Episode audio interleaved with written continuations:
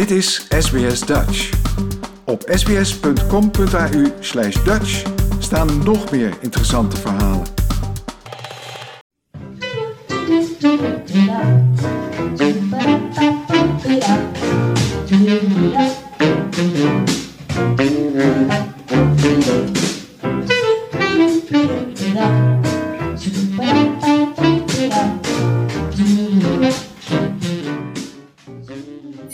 Knieën, knielen en kniezen. Knieën, die hebben we allemaal. En een knie is het gewricht, zeg maar scharnier, tussen boven- en onderbeen. En gelukkig hebben we er ook twee van.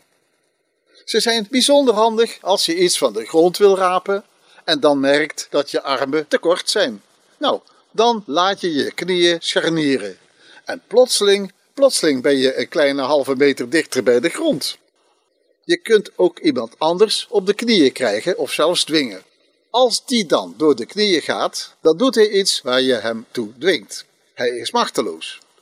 En een knieval, dat is het woord voor op beide knieën vallen. En zo'n knieval gaat misschien nog snel en soepel, maar opstaan, dat is een stuk trager en veel lastiger. En die knieval maakt je ineens een heel stuk kleiner. Je geeft je over. Maar ook als niemand je dwingt, kun je zelf iets onder de knie krijgen. Bij het worstelen in vroeger tijden was de strijd beëindigd zodra de winnaar zijn knie op de borst van de hulpeloze verliezer gezet had. Maar zelfs op zijn knie was de overwinnaar superieur. En misschien, misschien zit dat gebaar nog wel in onze geest. Want als je iets onder de knie krijgt, dan betekent dat dat je flink hebt moeten knokken om je doel te bereiken. Dan ben je de trotse winnaar. Op de knieën zitten is een houding die moeilijk veranderd kan worden. Het is een gebaar van overgave. En daarom is het in veel godsdiensten ook de favoriete houding. Als iets akeligs niet gebeurde, dan moest ik vroeger God op mijn blote knieën danken. Ja, mijn moeder zag zulke ongelukken heel wat vaker dan ik. Maar met al dat knielen heb ik nog steeds last van mijn knieën. Vanwege de gehavende knieschijven natuurlijk. Later kwam ik een mooi oud spreekwoord tegen. Een ambachtsman op zijn voeten is groter dan een edelman op zijn knieën. Ja, en zo is het maar net. Hoe handig knieën kunnen zijn, dat zie je voor je bij de uitdrukking iemand over de knie leggen. En dat gebeurde voor de uitvoering van een goed pak op de broek. Het bespaarde de bestraffer een moeizaam bukproces en sluit missers vrijwel uit. Gelukkig zijn dat soort vernederende bestraffingen intussen wel uit de mode. Als we tegenwoordig iemand over zijn knie leggen, dan is dat beeldspraak. Een straffere straf dan een losjes de mantel uitvegen.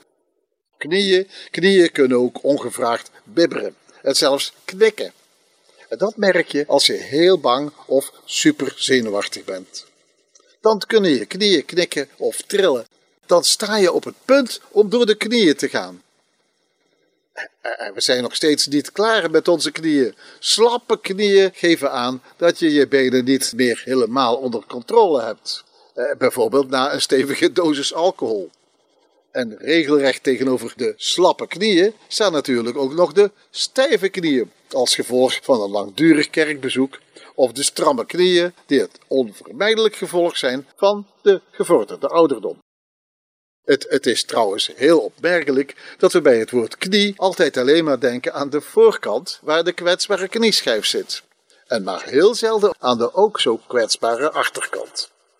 Minder bekend is een totaal andere betekenis van knie, namelijk een bocht. Bijvoorbeeld een bocht of een kromming in een rivier. En in de scheepsbouw zijn het de kromme knieën die de spante muurvast verbinden met de kielbalk. Nou, zijn we er nou? Nou, nog niet helemaal. Want we kennen ook nog het mooie werkwoord kniezen. Heeft dat misschien ook iets met de knie te maken? Nee hoor.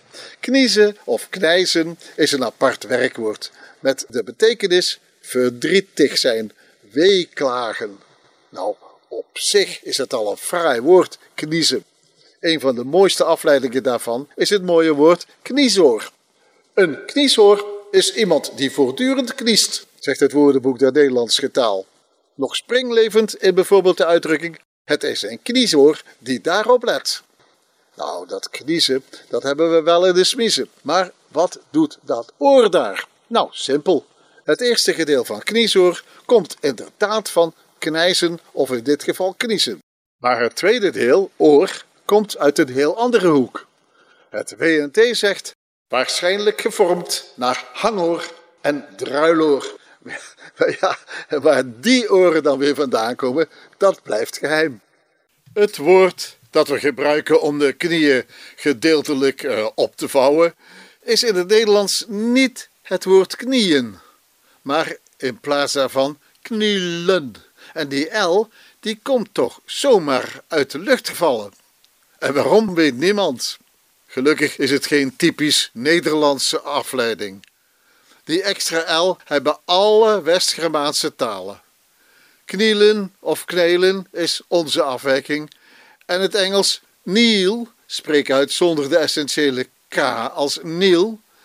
Het Deens heeft knelen, het Noors knelen, alleen het Duits houdt het op knieën. Ja, meestal gebruikt het Duits dat woord niet. Ze vervangen het dan door het rare werkwoord nederknieën, alsof je, alsof je ook zou kunnen uberknieën.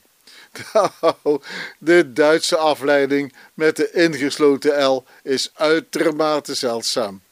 Enfin, het is toch een prettig idee dat we niet de enige zijn die die rare werkwoordsvorm gebruiken. Toch raar? Nou, kom op zeg. Een kniezoor die daarop let. Ik dank u wel.